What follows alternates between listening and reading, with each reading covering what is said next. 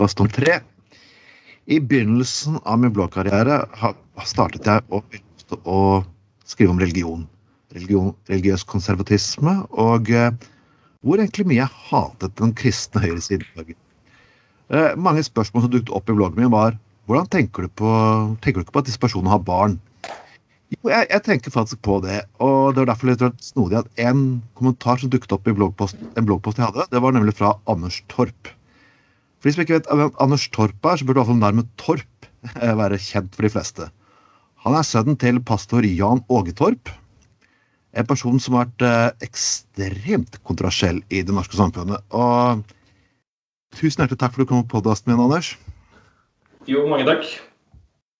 Jeg sitter her med boken din. 'Jesussoldaten'. Det er jo ikke akkurat småtteri av en bok. Jeg satt og leste den på hytta i sommer, og det var, det var, en heftig opplevelse. Du, du er jo sønnen til, må jeg si, en av de mest kontroversielle pastorene i norsk historie, i hvert fall etterkrigstiden.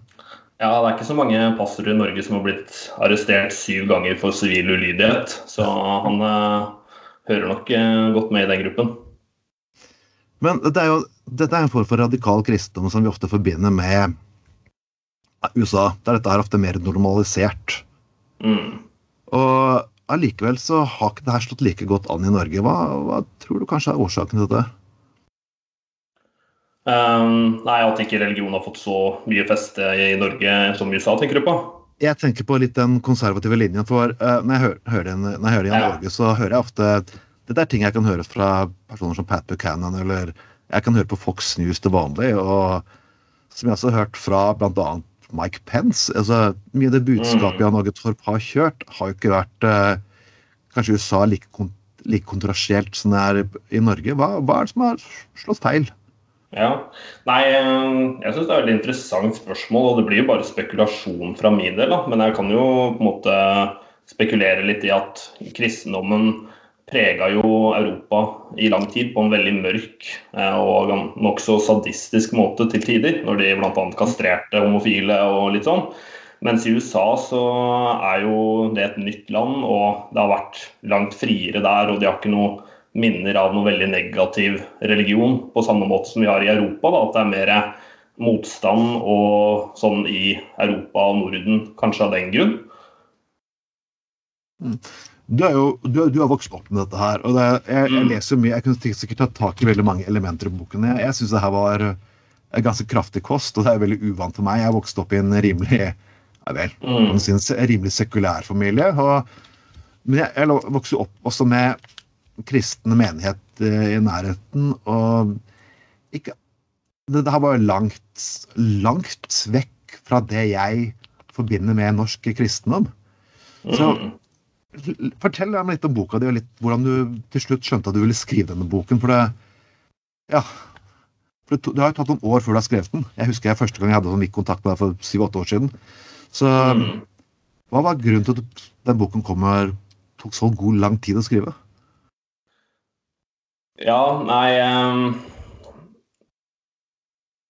det, er noe, det, er ikke noe, enkelt svar på det. Men uh, uh, jeg opplevde jo veldig mye negativt som også prega meg, og som også har tatt lang tid eh, for meg å forstå hvor mye faktisk har prega meg, fordi jeg levde i en helt annen boble og eh, i en krig mot meg selv og mine egne eh, vanlige menneskelige eh, instinkter. Eh, og vi var i ja, mentalt sett i en krig mot verden rundt oss, mot uh, sekulariseringen som vi skyldte på venstresida i politikken for. og Eh, det var eh, motstand mot eh, abort og mot partnerskapslov, og vi hadde åndelig krigføring mot moskeer som skulle bli bygd i Oslo. Og, men det var jo ja, Grunnen til at jeg gikk ut av det utgangspunktet, det var jo fordi det var et Mange tror meg sliter kanskje med å fatte, det, da, men det var faktisk et helvete å leve med en konstant kontroll over alt man tenkte og sa, fordi man trodde jo at Gud så alt man tenkte og gjorde og følte. Og for å leve i hellighet og ikke leve i, i synd, så var det en, en, kamp som aldri tok slutt, og som heller aldri blei bedre. Eh, og noe som jeg har vært åpen om i i, ja, i offentligheten flere ganger. Det er jo dette med min egen seksualitet uh, som tenåring. Uh, og hvordan jeg trodde at vanlige seksuelle lyster var demoniske angrep som skulle lede meg til helvete. Og det gjennomgikk jo jeg jeg fasta to ganger i 40 dager. Eh, Bl.a. for å bli kvitt disse seksuelle eh, lystene. Fordi jeg trodde at fasting og bønn skulle gjøre meg åndelig eh, sterkere. da. 40 dager? Og, ja, to ganger. Det er ok. Og det var ikke noe sånn ja, pinglete muslimfase der man spiser på kvelden, men det var eh, bare vann og juice. Um, og jeg gikk jo ned nesten 20 kg uh, begge gangene. Um, og når det feila, Eh, og når eh, jeg opplevde jo under fasen at de seksuelle lystene nesten ikke var der, og tenkte at det var en eh, seier fra Gud. Men det er ikke så veldig rart at man ikke har sexlyst når man ikke spiser. Det kan jo anorektikere bekrefte. Men, men når det her feila, så, så prøvde jo jeg å oppsøke ulike demonutdrivere.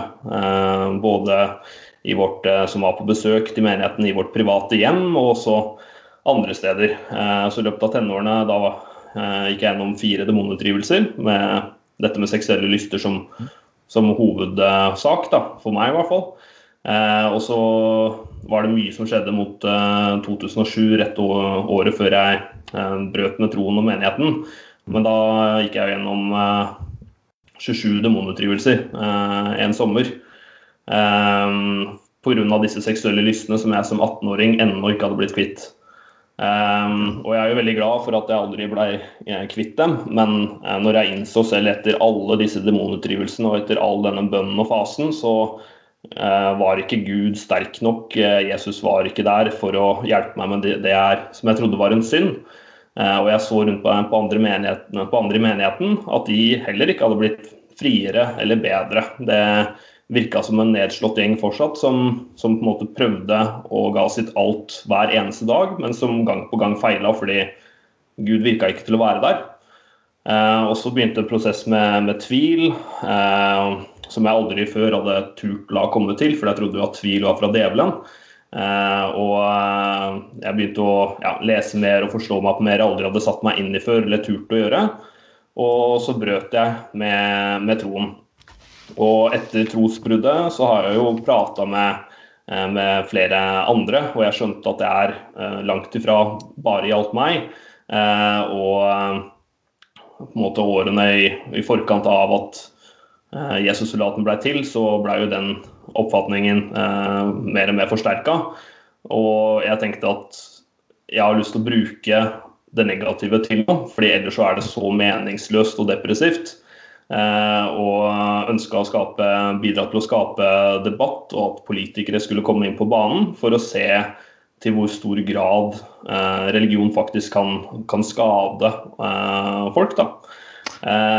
Så det er jo en lang forklaring på, på hvorfor det, det, kom til. og Så kan jeg legge til at i etterkant av bokutgivelsen så har jeg jo fått det bekrefta fra mange. Jeg har fått informasjon fra ja, minst 200, 200 personer som har fortalt dystre historier. Eh, og folk som har posttraumatisk stress og, og, litt av hvert pga. hva eh, usunn religion har påført dem gjennom oppveksten. Da.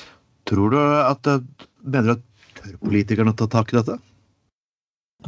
Nei, overhodet ikke. Eh, det, det, virker jo helt fraværende. Eh, det er jo muslimer og håndhilsing som er på agendaen, men å skjære guttebarn i skjære av guttebarn eh, forhuden og sånn. og, og ja, andre rettighetsbrudd og demonutdrivelser som virkelig kan skade barnet sin, det er jo fraværende i debatten, og det syns jeg jo er ganske urovekkende.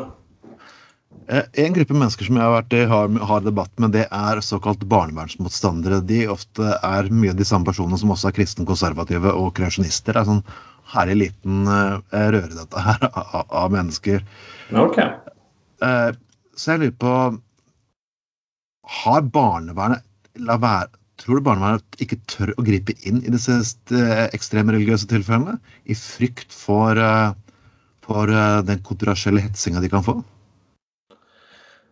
Jeg tror jo veldig mange, både politikere og barnevernet, har uh, holdt hånda, uh, hendene unna uh, religion av frykt for å bryte religionsfriheten. for det er jo så ofte opp igjennom at religiøse ledere kan kommandere folk til å ligge unna religionsfriheten når de beveger seg inn i et rom der hvor de pirker på kritikkverdige elementer. Mm. Så jeg tror jo absolutt at det er en frykt, men også en uvitenhet. Det er ingen som har forska på på hvor skadelig det kan være med enkelte religiøse praksiser på barn. Eh, det er jo noe som absolutt det er behov for å bli gjort. da.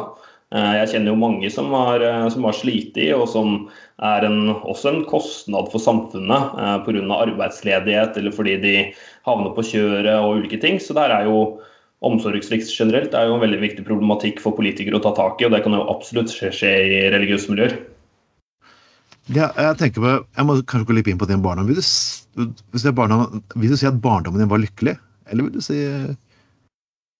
at ja, du føler at du har en tapt barndom selv? Jeg føler absolutt på en tapt barndom. Eh, jeg husker jo det var fra i hvert fall 9-10-årsalderen eh, at jeg hadde selvmordstanker. Eh, men det var jo uaktuelt for meg å begå selvmord, for da visste du at jeg kom til helvete. Eh, det var jo veldig mye fortrengte følelser, eh, og ikke skulle få lov til å være, være sint eller irritert hvis man var det. Så man gikk jo rundt med et slags følelsesmessig handikap, og jeg skammet meg jo masse. Jeg kunne jo på en måte Eller jeg følte ikke at jeg kunne være meg selv og få venner. Jeg måtte være en Jesus-soldat. Jeg måtte vinne folk eh, til himmelen og frelse dem fra, fra helvete. Og det var ikke noe frihet til å bare være meg, da. Og det er jo noe som jeg ja, absolutt gjør Jeg tror gjør at jeg hadde jeg mista veldig mye av hva jeg kunne ha hatt. Da. Og, men jeg er jo ikke så viktig en måte, i, i det store bildet. Eh, det er jo alle de andre barna, eh, og det tror jeg er tusenvis av barn, som lider eh, kanskje ikke like ille som meg. Kanskje noen har det verre, eller et eller annet sted midt mellom. Um, og det er jo noe samfunnet burde ta på alvor. Uh, og de barna de vil jo ikke kunne klare å tale sin egen sak. De trenger andre voksne som kan tale for dem. Problemet er ofte Men jeg ser også en del medier. Vet at det godeste Finale Sæle og din far har jo hatt en sånn sammenfallende interesser. Det er jo å skrike venstrevridd og kommunist og antisemitt på absolutt alt. Mm. Eh, stort sett de er uenige.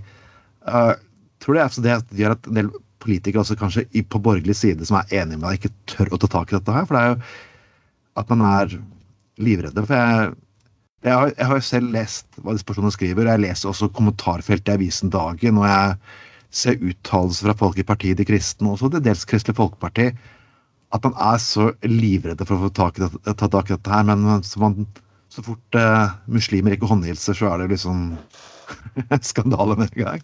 Ja.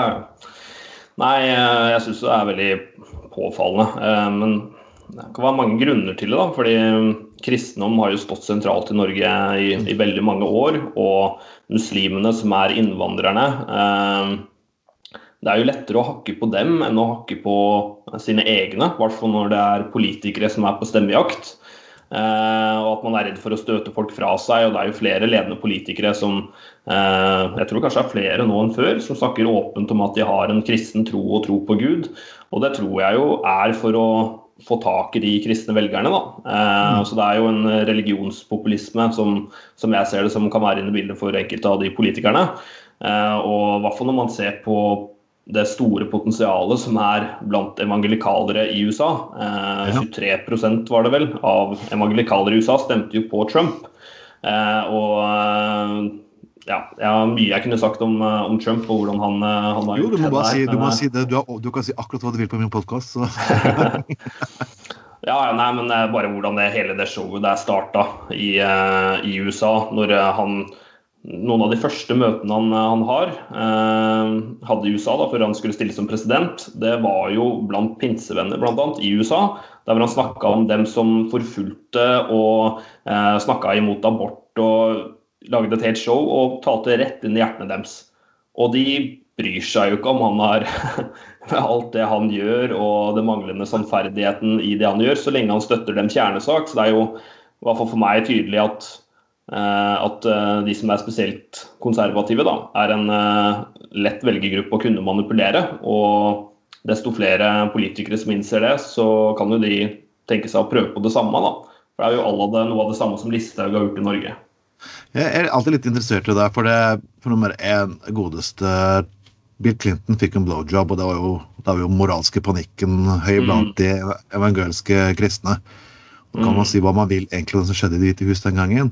Men å starte en krig i, eh, i Afghanistan, eh, starte en krig i Irak Det å nekte homofile rettigheter Altså en del påfallende andre ting ser til å være helt greit. Og hvordan kan det ha at disse samme konservative, nøyaktig de samme konservative politikerne som nå aksepterer Trump, som har vært gift mm. tre ganger, ikke tolerert Obama? Det, er, er, er, det mer enn bare kristne? Er det litt spedd på litt rasisme her også, kan du si? eller? Nei, jeg, jeg synes det første, første, jeg tenker på når du sier det, det er jo eh, Jeg støtta jo, som jeg var vel 14-15, eh, invasjonen av Irak i 2003. Eh, og eh, grunnen til at jeg støtta det, det var vel egentlig fordi faren min støtta dem. Eh, og historien som sirkulerte i en del evangelikalske kretser, det var jo da at før George Bush tok avgjørelsen om å starte krig mot Irak, så hadde han tatt en gåtur ute i hagen til, ja, til Det hvite hus. Og så hadde han bedt til Gud, og Gud hadde da sagt til han at han skulle eh, invadere Irak. Okay. Og jeg som var eh, superkristen og Jesusulat og andre evangelikalere som elsker en amerikansk president som til og med ber til Gud, og som søker Guds råd, eh, de syns jo det her er eh, supert. ikke sant? At han er en mann som handler ut ifra hva Gud sier.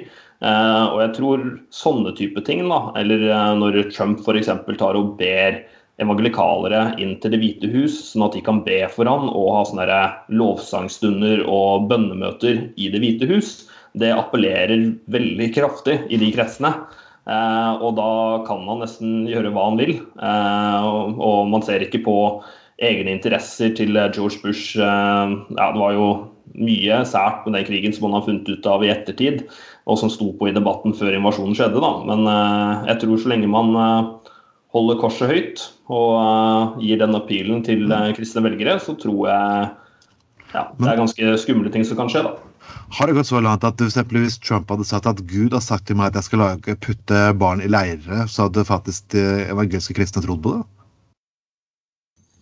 Ja, jeg tror det måtte blitt pakka litt penere, penere, inn enn som så. Eller litt mer overbevisende ting, da. Men, men jeg tenker jo så lenge man pakker det inn med et eller annet religiøst og Gud har sagt, og det virker litt logisk uten at man tenker på konsekvensen av det, så tror jeg de fleste er med.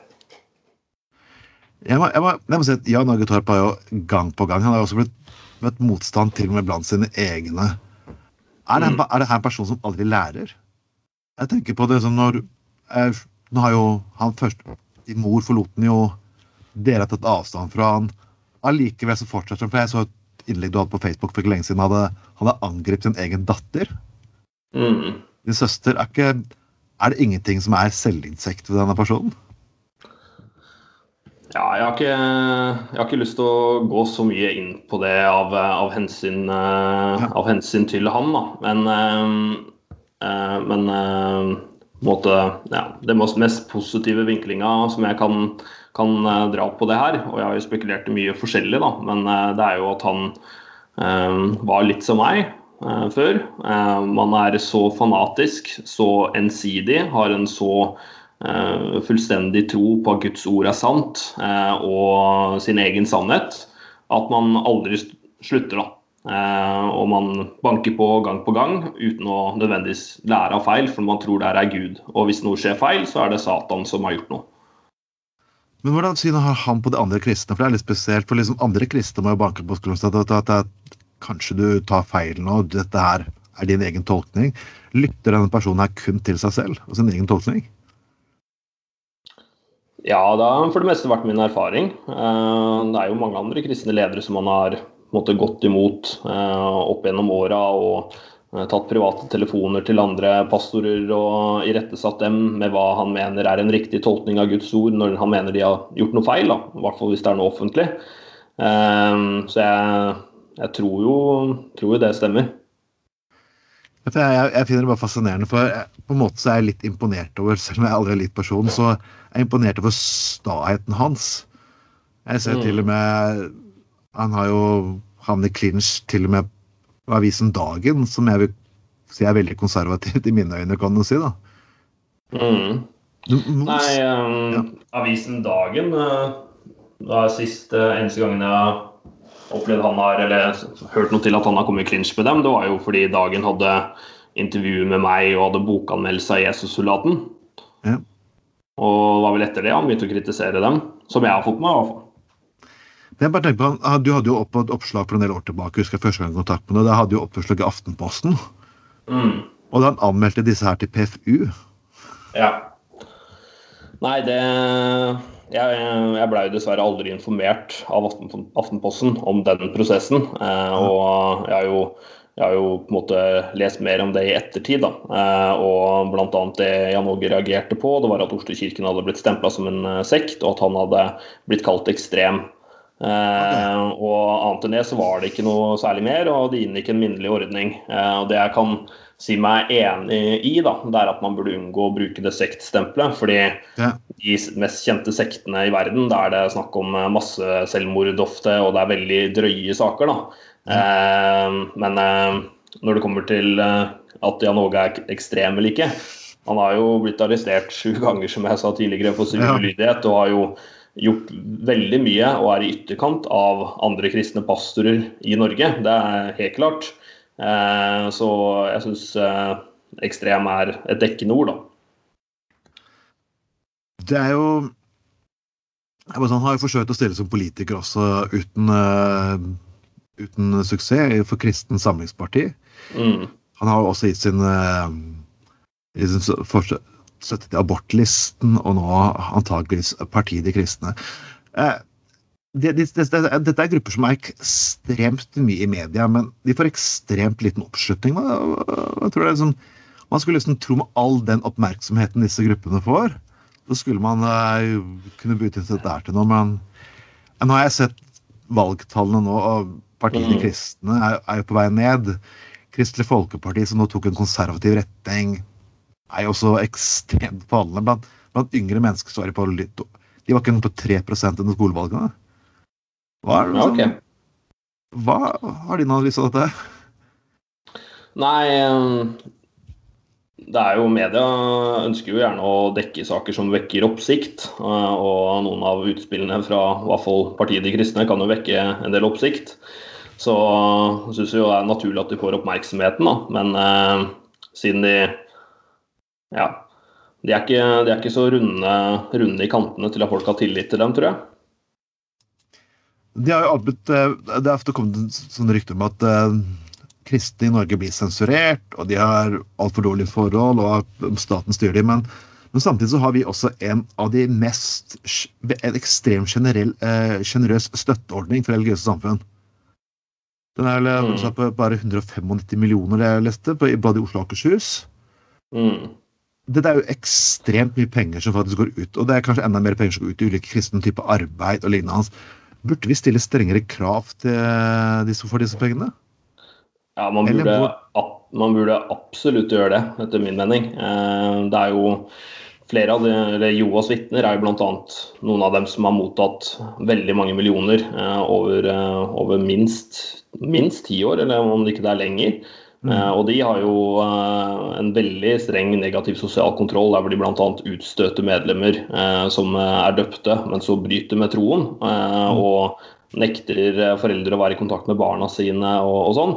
Um, og det er jo flere trossamfunn også som jeg mener bryter barns rettigheter, ved f.eks. at de Eh, skremmer og truer dem, enten direkte eller indirekte, med helvete, som gjør at det fratar barns valg til hvorvidt de ønsker å være religiøse eller ikke.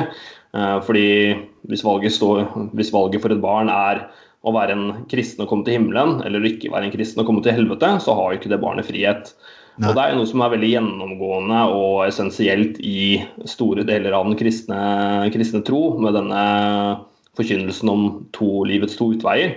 Eh, og det er jo en sak som ja, nærmest aldri har fått noe oppmerksomhet i, i Norge. Da. Eh, og det burde jo kunne enkelt bli gjort vedtatt det. At uh, trossamfunn som skremmer barn, ikke burde få statsstøtte. Noe vi kaller det brudd på ytringsfriheten. Hvor er du vil sette grensen? Uh, det er jo det er ganske tynn Det er ganske, ganske vanglende linje her, kan du si.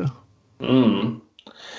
Nei, eh, jeg tenker jo Eller eh, når det ytringsfriheten eh, Den er vel hjemla i menneskerettighetene. Og menneskerettighetene er implementert i norsk lov, er ikke det riktig? Jo. Ja. Delvis, i hvert fall. Ja, og i hvert fall en fagperson som jeg prata, prata med, gjorde det også veldig klart for meg da, at loven skal jo favorisere eh, den svakeste part i tvistspørsmål. Eh, og barn er jo klart en svak part eh, i et trossamfunn med voksne ledere. Eh, og jeg tenker det er én ting av eh, barn å få høre at eh, denne religiøse lederen, eller at det står i Bibelen at det står om livets to utveier. Mm. Og hvis man gjentar det og overbeviser barn eh, om at det stemmer. Eh, og Barneombudet har jo en føring på sine eh, nettsider i hvert fall, at eh, foreldre skal kunne gi råd til barna om religion. Og det er jo et stort skritt å gi råd til noen og overbevise dem over, gjennom hele barndommen, som, som jeg ble.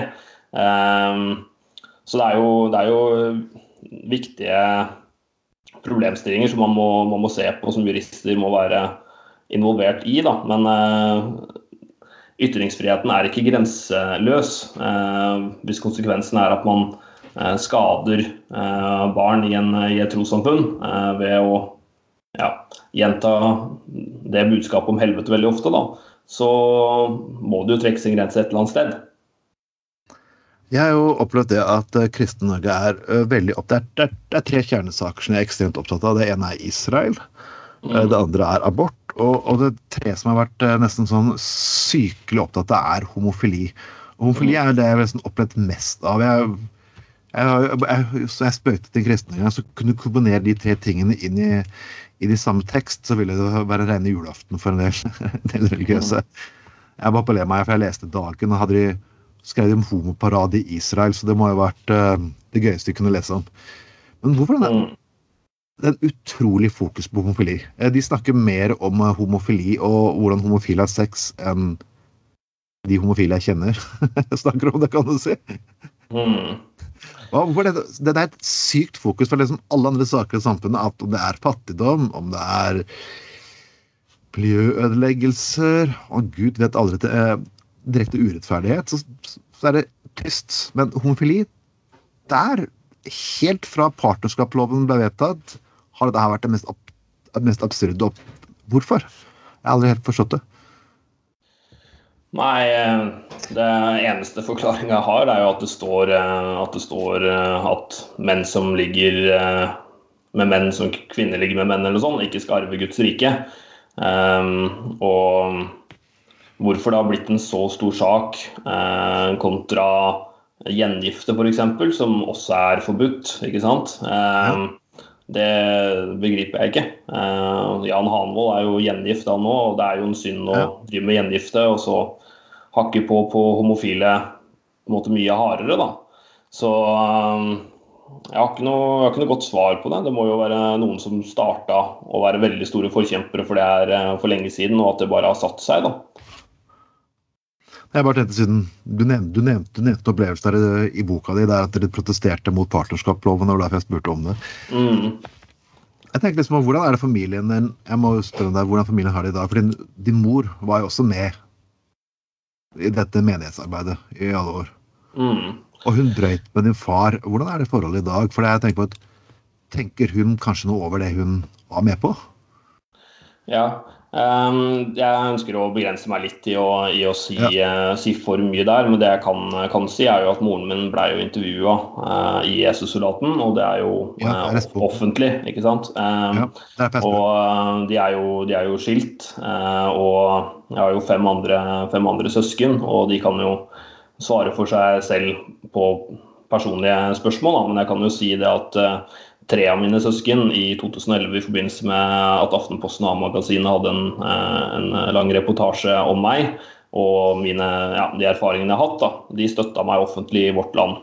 Mm. Eh, og min lillesøster eh, Kristine Andreassen, som nå for så vidt eh, studerer for å bli prest, hun var på en podkast med Vårt Land før sommeren eh, og fortalte også sin historie. Og fortalte om demonutdrivelser hun ble utsatt for og, og sånn gjennom oppveksten. da. Ehm, så det som allerede er offentlig der, det, det, er jeg trygg på at jeg kan si, men jeg har ikke lyst til å si så veldig mye mer enn det. da. Hvordan er ditt forhold til din mor i dag? Jeg har et veldig godt forhold til henne. Hun, eh, ja. Så vi prater, prater, ofte, og det er veldig bra. da. Og hun har jo tatt sterk avstand fra, fra det som har skjedd. Og jeg kan jo også påpeke at hun har jo vært Eh, en som har blitt leda av Jan Åge i, i, det her. sånn. Eh, hun, mm. Eh, hun, var ikke en pådriver for dette ekstreme av sin egen motor. og hun tar jo sterk avstand fra det meste av det her i dag, da. Mm. Jeg tenker jo Ja, det er, det er vanskelig å bryte inn, men uh, boken er jo noe noe av det sterkeste jeg faktisk har lest uh, noensinne. Og, okay. og jeg, som selvfølgelig jeg kommer fra et helt annet type miljø. Hvordan har du det i dag? For Jeg tenker, jeg, jeg, jeg satt med en liten følelse for Jeg var 24 år med et politisk parti som jeg, som jeg brøyt med. Kanskje ikke så drøyt, men jeg, etter jeg hadde brutt på dette her, så følte jeg selvfølgelig et utrolig merkelig følelse i kroppen min. for liksom, Dette var noe jeg hadde gjort hele mitt liv. Siden jeg var 17 til jeg var 42. Mm. Og jeg kjente absolutt alt. Men, altså, jeg var ikke, men til og med jeg følte på det sterkt så sterkt i kroppen min at jeg måtte ta en timeout. Og så tenker jeg liksom Så leser jeg denne boka her, så tenker jeg at herregud, jeg har jo ingenting å klage over. hvordan, hvordan, liksom, hvordan du føler deg nå, liksom, etter alt dette her? Er? Nei, ehm, jeg har jo, eh, som jeg var inne på, på litt i ehm, ja, begynt å, begynt å, få mer hjelp da, av andre. Eh, jeg kommer nok til å dele mer offentlig om det eh, senere, da, eller utover i et behandlingsopplegg. Eh, men det har jo vært veldig mye undertrykte følelser som jeg har, som jeg har slitt med. Og mye undertrykte følelser da, av liksom forbudte tabu-ting. Mm. det kan jo skape veldig mye stress på innsida. og jeg har jo ja, jeg kommer jo til å lansere en, eh, en sang snart, eh, som jeg har eh, lagd eh, på en måte om eh, ja, om det å på en måte være i et slags mentalt torturkammer, eh, og også hvordan min forlovede Julie også har hjulpet meg utrolig masse i å ja, som jeg synger i den sangen, å klatre opp de murene som jeg har laget rundt meg hele livet. da, eh, av å um, ja, og det, det går på liksom, å føle at man fortsatt er i en krig, at man er i en slags beredskapsmodus. Eh, og jeg har jo lest en del um, om litt sånn psykologi som er relatert til slike oppvekster som jeg har hatt. Eh, og noe som traff meg veldig, det er en diagnose som heter religious trauma syndrome. Altså religiøst traumesyndrom. Og det er noe som blir sammenligna av fagfolk med eh, posttraumatisk stress og kompleks posttraumatisk stress.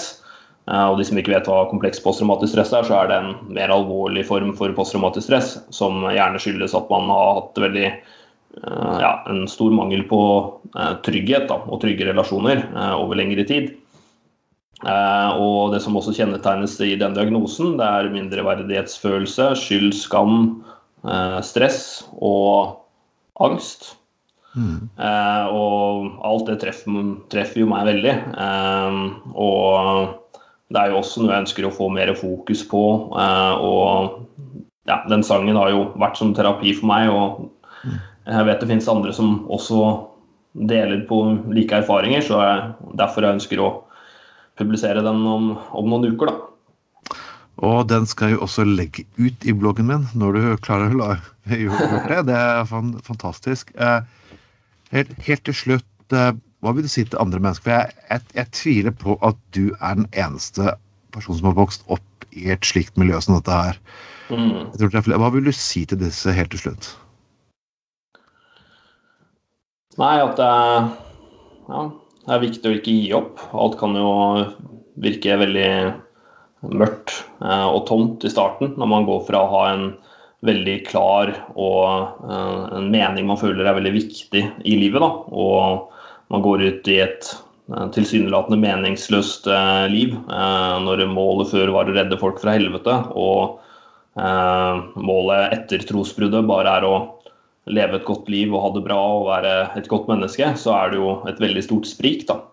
Og Det kan jo kjennes ut som man er i fritt fall i starten. Det Kan, man kan uh, vurdere selvmord, som jeg gjorde, for man trodde det var for sent for en selv til å kunne ja, komme tilbake til normalen. Uh, og jeg var jo veldig opptatt lenge av å bli normal, når jeg alltid hadde følt at jeg var så unormal. at jeg endelig kunne prøve å passe inn. Da. men jeg har jo et råd til andre er jo at ingen er normale. Eh, så det er ikke vits i å prøve på å bli normal. Eh, men at det er utrolig viktig å eh, kunne oppsøke faghjelp, fordi det, de kan hjelpe veldig mye. Men de fagfolkene Hadde jeg gått til en psykolog rett etter trosbruddet og fått spørsmål om hvordan det gikk, så hadde jeg svart at det gikk kjempebra. ja. Fordi eh, livet etter trosbruddet, og ikke tro på en gud som alltid så hva jeg tenkte, og de alltid måtte kontrollere hva jeg tenkte og følte og, og sånn, det var jo til helvete, som sagt. Og alt annet enn det var jo veldig lett. Eh, men så hadde jeg jo også veldig mye undertrykte følelser. Så hadde jeg tidligere forstått at jeg hadde veldig mye undertrykte følelser og hatt sånne følelsesintervjuer med fagfolk der hvor jeg oppdaga det at jeg nesten aldri blir sint, eller jeg i hvert fall anerkjente at jeg blei sint, eller at jeg følte meg irritert. Um, og fått de følelsene opp til overflaten, da, så hadde jeg jo begynt å skjønt uh, at det ikke gikk bra. Fordi en forsvarsmekanisme jeg gikk inn i tidlig, det var jo uh, å, gi faen og ikke mm. bry meg. Uh, og jeg klarte jo ikke å ha noen langvarige forhold med den mentaliteten, fordi hvis noe jeg først begynte å bry meg om noen, så begynte jeg å skyve personen vekk fra meg og var redd for personen og prøvde å ja, komme meg vekk. da. Eh, og ja, det var veldig slitsomt. og tok jo tid før jeg, før jeg innså det. Eh, jeg sier ikke at mine opplevelser er det alle opplever, eh, men eh, for noen så kanskje, kan, kanskje det kan være til hjelp, da. Yes, det var Anders Torp. Og boken heter 'Jesussoldaten'. Eh, Cappelen Dam. Den er fortsatt tilgjengelig. Eh, Kjøp den, støtt saken. Eh, eller hvis du er litt fattig, bibliotekene er mm. deg. Boken er absolutt å anbefale, og uh, veldig sterk og god lesning. Eh, jeg vil takke Anders. Kan jeg, kan, jeg, kan jeg, spørre om noe? For jeg husker ikke helt hva du sa helt i starten av podkasten. Men, men, det var bare noe som jeg syns er veldig viktig for andre i samfunnet å vite om i forhold til hvordan de møter religiøse.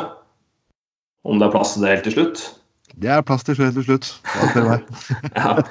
Nei, eh, nei, men for, for, for, meg i hvert fall så var det veldig ofte at jeg følte at jeg ikke var likt, og at folk gjorde narr av meg. At andre eh, til og med hata meg eh, og så veldig ned på meg. Eh, og eh, i spørsmålet om f.eks. evolusjon så er jeg så vant ja. til å gå i forsvar, og jeg lytta ikke til hva andre andre sa, fordi jeg følte på den fordømmelsen allerede før samtalen hadde starta, nesten. ikke sant? Så det å møte folk vennskapelig eh, og, og, kunne ha rolige, gode samtaler uten at man fordømmer personen, da, det tenker jeg er utrolig viktig. For ellers så, så, tar man bare opp murene sine, ikke sant? og da får man ikke påvirka noen i særlig grad. Jeg kan jo var det et spørsmål til meg, så kan jeg si det faktum at som venstremann, eh, som jeg var tidligere, sånn som MDG-er, så sitter jeg og tar en øl med folk fra Rødt, fra Fremskrittspartiet og fra Høyre, og kristne og muslimer om hverandre. Så lenge man har en grei og god tone, så får man heller være enig med å være enig, og så får man prøve å skape visse form for felles multiplum som ikke bunner ut i fanatisme. Det har alltid vært min, min hovedregel. Ja, nei, det er veldig bra. Jeg vil takke deg for å komme på podkasten. Og vel, folkens, husk lik, del, spre og ja, lytt den flere ganger. Dette er Trond Atne Tveiten, og jeg har i dag intervjuet Anders Torp på Trond Orakels podkast nummer tre. Ha en fin dag.